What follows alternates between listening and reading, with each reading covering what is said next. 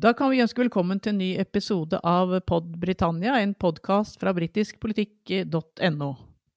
I dag så skal vi snakke om en sak som har dominert eh, britiske medier de siste par ukene. Slis, eller snusk og fanteri, kan vi kanskje si på norsk, eh, i det konservative partiet. Det dreier seg bl.a. om parlamentsmedlemmer som har lukrative ekstrajobber, som ved lobbyvirksomhet, og en regjering som egentlig har håndtert det hele ganske så, så klønete. Jeg heter eh, Trine Andersen, og med meg i dag har jeg mine to medredaktører. Det er Øyvind Brattberg og Erik Mustad. We shall never surrender. The pride in who we are is not a part of our past. It defines our present and our future. The people of Scotland have spoken. England, Scotland, Wales, Northern Ireland together, taking us forward, unleashing the potential of the whole country. Ja, eh, Øyvind, skal vi først snakke litt om dette begrepet slis? Jeg sa fusk og fanteri, men er det en riktig oversettelse? Jeg tror det er en uh, god inngang til, til tematikken. Er, det er tilstrekkelig uh, vagt og, og, og, bredt, kan man si, til at det fanger opp uh, ulike sider ved denne debatten i, i Storbritannia. Det er nettopp det at det, det som, som, stikkord eller merkelapp kan, kan, brukes til så mangt. Det er det som gjør det veldig effektivt som anklage også, fordi det både handler om konkrete tilfeller av eh, korrupsjon og mislighold av, av, offentlige midler, og det kan handle om, om litt eh, eh, på, på, et vis å, å, utnytte ressurser man har til rådighet, snakke på, på, på grunnlag av, av, interesser som er andre enn velgernes osv. Og, så og rett og slett være lite representative og lydhøre for folk flest. Så det er en litt sånn pakke av forskjellige beskyldninger. Noe av det har juridisk kraft, andre sider av det er rent moralske. Men det er en, en ganske heftig krangel i, i Storbritannia nå over eh, regjeringen og beskyldningen mot eh, regjeringspartiet, de konservative, og hvordan de forvalter eh, det offentliges tillit, tror jeg kanskje man kan si sånn, sånn generelt. Og det er mange bestemte sider som vi kan komme litt inn på etter hvert. Ja, Det er jo ingen tvil her om at, eh, at, Boris Johnson får, også får så hatten passer av sine egne. Jeg leste akkurat en, eh, en, leder i Sunday Times, denne konservative avisen, hvor det faktisk eh, har som overskrift at denne konservative regjeringen har ikke bare en svak duft av korrupsjon, den stinker. Og nå har jo også den tidligere statsministeren John Major, som jo var konservativ statsminister sju år, var det vel, på 1990-tallet, han har også vært ute og kalt Boris eh, Johnsons regjering for politisk korrekt, korrekt politisk korrupt, unnskyld, og, og, sier han eh, vil få vanske faktisk på å stemme på dem. Og er det, er det, riktig å si at vi snakker om eh, korrupsjon her, Øyvind? Jo, de beskyldningene har jo gått på, på lavbluss en stund. En del av det knytter seg til, til pandemien og tildelingen av offentlige kontrakter til det man da mener er, er, er, rike venner, forret, venner, i forretningslivet av, av, ministre og andre sentrale aktører hos de konservative. At de har tatt snarveier istedenfor å gjøre ordentlige anbudsrunder, så har de kontaktet, ikke sant, bruk, brukt SMS og andre eh, private kommunikasjonsformer og hyret eh, venner og allierte. Og de, de beskyldningene, uten at det har blitt mye fast fisk av det, så har man har man sett noen heftige diskusjoner, f.eks. om eh, tidligere statsminister David Cameron og hans eh, konsulentvirksomhet eh, i, i, i favør av, av, partnere i, i, næringslivet. Men det som gjør at det eksploderte nå, handler jo om Owen Paterson, parlamentsmedlemmet som, som, nå har trukket seg etter, etter, mye om og men.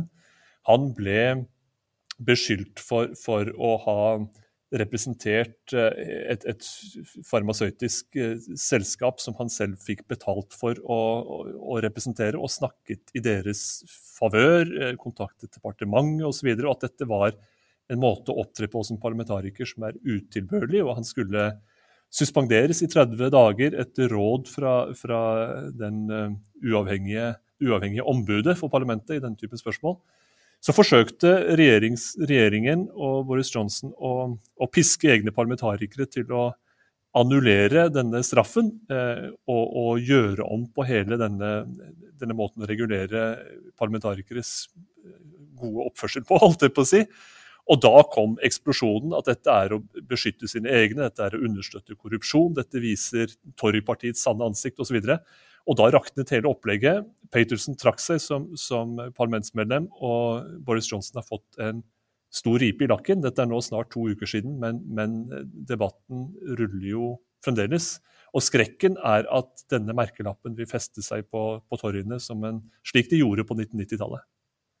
Ja, for dette er ikke, altså dette er jo ikke noe nytt. Du sier det fester seg på 1990-tallet, og dette her med korrupsjon og slis og sånn, det er jo noe som på en måte har kommet igjen og igjen når det gjelder, gjelder torgene. Det er et slags spøkelse som, som ligger der, og som, som, kommer fram sånn eh, litt nå og da. Og Erik, kan ikke du sette litt inn en litt historisk uh, sammenheng her? og og si litt om tilsvarende saker som vi, som vi, har, i, som vi har erfart tidligere fra Det konservative partiet. Ja, Det er det mest nærliggende å snakke om eh, akkurat John Major, som var statsminister fra 1990 til 1997. og De siste årene av hans regjeringstid ble jo dominert av dette uttrykket 'slis'. Det var jo da det ble brukt mer eller mindre for første gang i denne sammenhengen når det gjaldt eh, dette um, um, brudd på, på, parlamentariske standarder og regler eh, for hvordan de folkevalgte skulle oppføre seg, eh, og hvordan de skulle forvalte den felles eh, formuen da, som, som, heter staten. Og Det var jo spesielt knyttet til et par politikere, dette. Den vi husker best, er nok denne Neil Hamilton.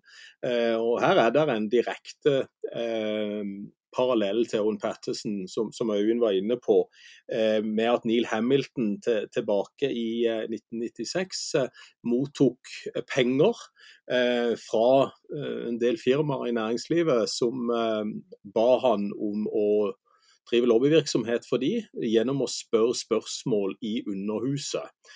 Denne ble omtalt i 1994 som, som, 'Cash for questions', så den gikk tilbake helt til det. Eh, Tim Smith var også en eh, parlamentariker som, som, mange, som, mange, husker. Nå har vi jo et tilsvarende, eh, eller en tilsvarende beskyldning mot de konservative som heter 'cash for honors'. Og Det viser seg jo i tillegg til det som vi var inne på innledningsvis her, at en rekke donorer, altså givere til det konservative partiet, har fått i, i retur i, eh, i, premie, holdt jeg på å si, hvis man da donerte så og så mange millioner til det konservative partiet, en tittel og en rett til å sitte i Overhuset. Eh, så dette kalles jo eh, cash for honors, cash for questions, og dette er noe som har vedvart lenge. Og kanskje en spesiell historie som, som akkurat med Neil Hamilton i 1997 ved valget da, for Labour brukte jo dette veldig aktivt inn mot valget i 1997. Og vant jo på mange måter med dette bakteppet som vi kalte Tories lease. Og denne Situasjonen med Neil Hamilton var jo at han var parlamentsmedlem for Tatton i Cheshire, som er rett sør for Manchester. og Der var vi, husker jeg, i 1997. Den, den 1. mai, som var valgdagen da. Og Da eh, hadde jo da Neil Hamilton den tredje sikreste valgkretsen eh, blant konservative parlamentsmedlemmer. Så var han høyt akta parlamentsmedlem. Og han hadde et flertall på 22 000. Og Det klarte da den uavhengige antikorrupsjonskandidaten, den tidligere BBC-reporteren Martin Bell, å snu rundt. Sånn at han vant den valgkretsen i hvit, antikorrupt dress. Den eh, flotte hvite dressen fulgte han gjennom hele parlamentsperioden. Eh, som et eh, symbol på renhet og uskyldighet og alt som var. Eh, og han vant da denne valgkretsen med ca. 11 000 i flertall, var det vel, så vidt jeg husker. Så akkurat, akkurat det var jo det store symbolet på uh, lease på 1990-tallet. Og Major ble vitne til enormt mange skandaler. Neil Hamilton var en av dem, men det var så mange flere i, i sine konservative rekker. Ja, det, Apropos dette med renhet og, og, hvit dress, så jeg tror vel kanskje ikke det britiske folket lar seg lure om Boris Johnson møtte opp i hvit dress, men eh, Nei, det tror ikke jeg heller. Så den, den um, uskyldigheten eller, eller, renheten, den hviler vel kanskje ikke akkurat uh, så godt i fanget til, til, Boris Johnson. Men Martin Bell gikk da i hvit dress uh, hver dag i det britiske parlamentet fra, fra 1997 og til valget i 2001. Jeg ser faktisk at uh, YouGov, altså dette meningsmålingsinstituttet, har jo nylig foretatt en meningsmåling og spurt uh, briter om dette med korrupsjon i politikken. Og da er det faktisk bare 1% som svarer at det ikke er noe korrupsjon i det hele tatt, men fire av fem svarer at det er uh, Skal vi se hva det sto her i, i det jeg har her, et lite øyeblikk, så skal vi se at det står her at fire av fem sier at det er no, mye eller noe korrupsjon, så det britiske folket har ikke så veldig stor tro på renheten eh, blant politikerne sine, Øyvind? Nei, og det, det er vanskelig å, å, forsvare seg mot også, fordi dette er et så mangesidig fenomen. Det som, som Erik veldig konkret peker på med, med cash for questions, altså en, en form for betalt og veldig, veldig spesifikk lobbyvirksomhet, og cash for honors, hvor du gir um, titler og, og, og eh, høyverdig plass i overhuset til, til egne finansiører. Det er, det er, jo sånne konkrete, konkrete, innslag. Men noe av det som debatten nå handler om, er jo også eh, parlamentsmedlemmer som har faktiske jobber i det sivile liv, som i varierende grad kan, kan forpurre deres rolle som eh, edle politikere med, med folkets interesser for, for øye, så å si.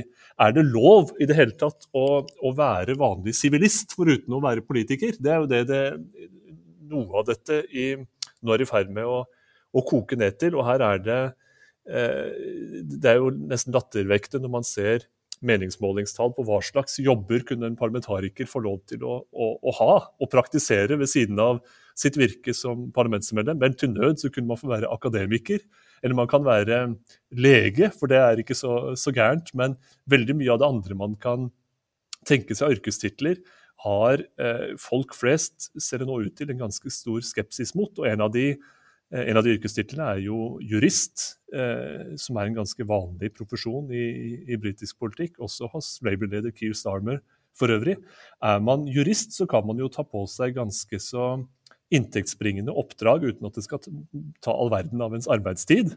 Eh, og det som eh, de etiske grunnreglene for det britiske parlamentet sier, er at det skal ikke komme i konflikt med din rolle som, som eh, parlamentsmedlem, og du skal heller ikke bruke parlamentets fasiliteter til, til din sivile jobb, men, men, ellers så får det være opp til liksom, skjønnsmessig vurdering. Nå har Labour kommet dit hen at de vil foreslå at alle såkalte second jobs skal elimineres. At man er kun parlamentariker med den lønna og de oppgaver det tilligger mens man er folkevalgt. Og så får man sette annet på vent. Men det er et ganske kraftig brudd i så fall med det som har vært britisk tradisjon, hvor man er en del av det sivile liv, også en del av, det, eh, av, av, arbeidslivet i noe omfang, og som sådan har en, en fot ute i samfunnet, mens man samtidig er valgt politiker. Det, er det mulig å ivareta den den doble rollen uten at det går på tvers av egen integritet, eller skal man bare feie alt sammen bort med det samme? Dit har man nå på et vis kommet i, i den britiske debatten, til det spørsmålet. Men når du, når du nevner her eh, Sir Keir Starmer, så har jo han også da tjent ganske mye penger ved siden av. Det er riktignok til å begynne med de første årene han eh, satt i, i, parlamentet. Men vi ser jo han veldig lite kommenterer dette her nå. Han, eh, det er jo nestleder Angela Rayner som, som snakker på vegne av, av, Labour. Er dette altså en litt vanskelig sak for, for Labour? Det er nok en litt vanskelig sak for uh, Keir Starmer personlig, fordi han har uh, selv om de inntektene er erklærte, og man kan se sånn noenlunde iallfall hva som har foregått, så har han, en, eh, eh, har han, hatt en ganske stor inntekt fra andre kilder enn en, en, en statskassa mens han har vært folkevalgt politiker. Og Det er jo ikke noe prinsipielt galt i at man har inntekter, men at de oppdragene og oppdragsgiverne trekker ens um, fokus og argumentasjon bort fra uh, der man egentlig var. At man får bindinger, rett og slett. Er jo det som er er eh, bekymringen her. Det er i mindre grad et, et problem for Labour-partiet som sådan, hvis man ser på de faktiske inntektene eh, fra arbeid utenfor parlamentet og ser på den topp 20-listen, så er det ikke mye, mange Labour-politikere å finne der. Det er veldig sterkt dominert av, av um, høytstående konservative som enten har, har juss eller forretningsliv, altså rådgiverroller i, i næringslivet, og har store inntekter der. Og det at man har, har denne historien fra 1990-tallet, gjør at det veldig lett også kan Man forsøker å trekke det samme kortet på ny. selv om konteksten nå er, er noe annerledes, så prøver man å bruke det samme verktøyet, kan man si, den samme formen for kritikk. Men Erik, eh, dette er vel også et sånt problem da innad i, i det konservative partiet. For vi har, fått, altså fått veldig mange nye representanter i det konservative partiet nå i denne perioden her. Bl.a. Fra, fra det røde, tidligere røde beltet opp i Nord-England. Og dette er vel folk som kanskje er yngre og som ikke, ikke er så fryktelig Som ikke er tilhengere, eller som ikke har vært i denne skal vi kalle det konservative tradisjonen, og som reagerer på det de nå ser? Ja, da, Det er veldig mange av de unge, den nye generasjonen som du nevner, som kom inn nå i, uh, i 2019, eh, som reagerer på oppførselen både til Owen Patterson, um, Jeffrey Cox, som sitter i, uh, i, um, i Karibien og, og, har liksom hjemmekontor derfra, og, og, har da en sånn second job hvor han håver inn en masse penger, sier ikke han har brutt noen parlamentariske standarder for Underhuset osv. Men det er, jo, det er, jo, ingen som tror på det. Så, så vi, det er riktig det at vi ser en, en, en, et lite gap mellom de, de yngre tror Eh, parlamentarikerne, mange av de som sitter på eh, benk eh, Z eller benk X, altså de som sitter langt bak de backbenches på, på de konservative benkeradene, som reagerer på den oppførselen. Og Spesielt i forhold til regjeringens måte å verne om dette på, og si at dette er helt greit med å endre regler i Underhuset. og bruke partipisken så sterkt som Johnson gjorde før han snudde igjen da, men dette her er jo en politisk håndtering av veldig betente områder innenfor politikken i forhold til det å, å tjene folket, eh, samtidig som de har disse fete ekstrajobbene. Og det er klart Keir Starmer sitter litt i glasshus her, så en skjønner at det er Angela Rayner som fronter dette for Labour. Eh, fordi at det, som Øyvind sier, det er først og fremst de konservative som er blitt forbundet med dette slis-begrepet, og ikke så mye Labour. Men eh, Starmer er også en veldig kjent kjent eh, advokat, eh, og en flink advokat med, med mange, med mange en, en, lang eh, klientliste hvor det er mye penger. Så, så, men, men, nå er det igjen da måten Boris Johnson håndterer dette på. John Major i 1996-97 resignerte mer eller mindre, for det var så veldig mange um, saker som, som, viste seg å bli rulla opp i løpet av det siste året da John Major var statsminister.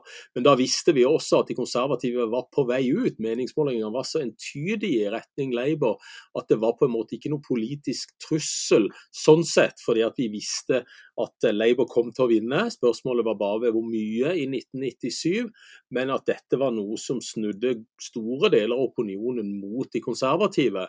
Og Labour sitter nok litt og venter på dette nå. Vi ser meningsmålingene begynner å bevege på seg. Eh, den siste jeg så var vel 6% til fordel for Labour. Eh, så eh, vi ser jo at dette er noe allmennheten reagerer kraftig på når det kommer ut på denne måten som de gjør nå. Ja, Vi ser jo som du sier at meningsmålingene beveger seg i retning av, i favør av Labour. Nå er det veldig lenge til neste valg. Men likevel, vi ser også at populariteten til Boris Johnson er dalende på meningsmålingene. og Kan, kan dette på en måte få noe, få noe, å si for han, eller kan han bare ture på sånn som han uh, pleier? Hva, hva tror du, Øyvind? det som foregikk den gangen på 90-tallet, var jo, som Erik er inne på, en, en slags en perfekt storm av, av en, en, masse nedbrytende prosesser parallelt for uh, den daværende konservative regjeringen. Jeg tror det, den synkende populariteten nå også må forbindes med flere, flere ting. Uh, upopulære skatteøkninger, tvil om, om uh, Boris Johnsons kompetanse på, på flere felt osv. Tror nok det er flere ting som slår inn på de meningsmålingene. Men det er nok også sånn at hele diskusjonen om, om fusk og, og, fanteri har slått inn hos en del velgere i form av svekket tillit til statsministerens dømmekraft, regjeringas dømmekraft, og, og, en sånn mistanke om kameraderi, og at det er noen regler for dem og andre regler for folk flest og sånn, som, som, som, fester seg. Men om det fester seg lenge nok og tungt nok til å ha ordentlig betydning ved neste valg, det er ikke godt å si nå. Mye vil avhenge av hvordan man, eh, man rydder opp i denne affæren, og man evner å komme ut av den med, med æren noenlunde i behold, eller i hvert fall evner å sette et slags punktum da, og springe videre til andre politiske saker. Ja, hva, hva tror du, Erik? Tror du det er mulig? Tror du de klarer å rydde opp? Foreløpig så har de ikke eh, vist noe særlig tegn på at de klarer å få orden på dette. Nå er det masse møtevirksomhet i forhold til disse standardene som, som nok må eh, revurderes og, rediskuteres i Underhuset for hvordan parlamentarikere både skal oppføre seg og hvordan de skal forholde seg til eh, disse ekstrajobbene som, som, vi har sett veldig mange av de har tatt på seg, spesielt i de yrkesgruppene som, som Øyvind nevnte. Og Vi vet jo også at Boris Johnson er en type parlamentariker som forsvarer sine nærmeste til det siste. Det så vi med Dominic Cummings også, som, som, eh, som slo veldig feil ut til slutt. Eh, etter at han hadde forsvart denne koronaturen til Nord-England for sin spesialrådgiver Dominic Cummings. Så, så, ble det konflikt med kona, og så, så var han på huet ut. Eh, vi så Matt Hancock snakke med naboen og gi han et lukrativt tilbud på, på vegne av regjeringen. Vi har jo sett disse WhatsApp-meldingene som har flydd frem og tilbake nå i de siste ukene. Og der er jo bokstavelig talt gammelt krutt i masse av dette. Så eh, Boris Johnson er jo ikke veldig god på akkurat dette som har med konfliktløsning å gjøre, spesielt ikke blant sine egne. Så hvis dette får eh, lange politiske konsekvenser, så vil nok dette feste seg eh, såpass i den britiske befolkningen at det kan bli et element inn mot, eh, inn mot neste valg, absolutt. We shall never surrender. The pride in who we are is not a part of our past. It defines our present and our future. The people of Scotland have spoken. England, Scotland, Wales, Northern Ireland, together, taking us forward, unleashing the potential of the whole country. Order!